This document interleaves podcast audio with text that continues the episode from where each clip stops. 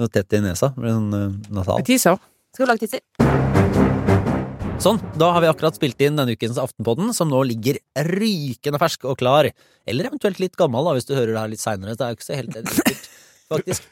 Eh, hos Podme eller i Aftenposten-appen. Prøv igjen, Lars. Nei, det er Nei, nei, det er greit. Men kan jeg få lov å si, da, eh, bare med en gang, at jeg har gått på en smell eh, på julekalendersystemet mitt. Ja.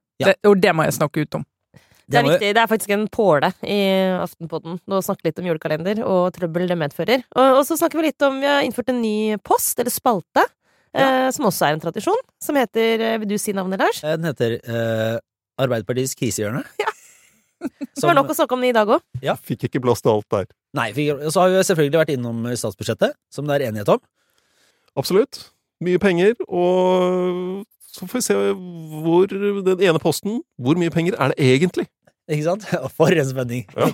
Og, og en eh, genuin overraskelse og et eh, forferdelig merkelig utgangspunkt for den nye MDG-lederen. Som eh, ja, gikk på en veldig, veldig nesten-smell. Så her er det litt av hvert eh, i et bredt spekter. Bare å løpe og lytte eh, hos eh, Podme og i Aftenposten-appen. En fersk episode av Aftenpodden ligger ute nå, så løp og lytt, og ha det bra!